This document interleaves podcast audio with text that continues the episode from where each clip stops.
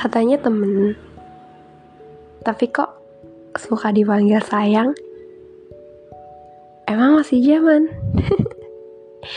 tapi sayangnya, friendzone gak kenal zaman. Akan ada kasus serupa yang mungkin namanya beda-beda. Temen mana sih yang selalu ngabarin hampir seharian tiap dia berkegiatan. Ya mungkin ada sih tapi nggak semua. Teman mana yang suka bahas hal-hal random sampai tengah malam ngasih perhatian lebih bahkan sampai bahas masa depan bareng. Awalnya aku juga denial. Mikir ya mungkin emang gaya temenan kita kayak gini Lagian banyak kok yang kayak gini. Kan karena emang udah saking akrabnya ya. Tapi yang ini beda. Yang ini lebih manis. Tapi ya balik lagi ke inti pembahasan.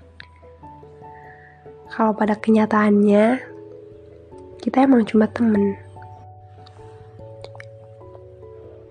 Aku kadang mikir, apa emang akunya aja ya yang cepet baper? Tapi perhatian itu kerasa banget bedanya. Jadi, kita ini apa? Dibilang temen, tapi kita nggak suka salah satu dari kita deket sama yang lain. Dibilang punya hubungan lebih, juga nggak bisa. Kan kita emang temen. Ada nggak sih temen yang selalu ngabarin apa aja? Ada kan ya? Rasanya tiap dia perhatian, tiap dia laporan sama hal-hal kecil tentang dia yang sebenarnya nggak perlu-perlu banget, tapi dia mau aku tahu atau hal-hal yang mau dia lakuin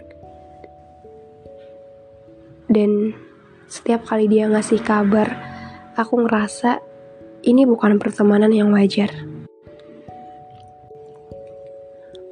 Kalau kata tulus, daya pikat yang memang engkau punya Sungguh-sungguh ingin aku lindungi Kalau katanya Firsa Bila kau butuh telinga untuk mendengar Bahu tak bersandar.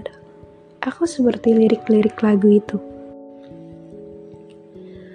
Rasanya, aku mau ada di setiap hal yang sedang atau akan kamu alami.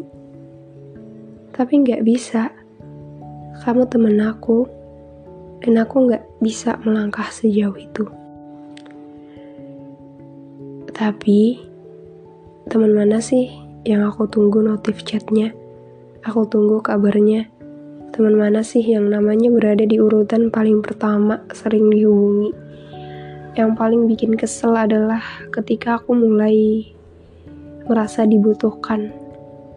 Ketika aku mulai ngerasa perlu tahu keadaan kamu dan nyari-nyari kamu, kalau kamu tiba-tiba hilang seharian.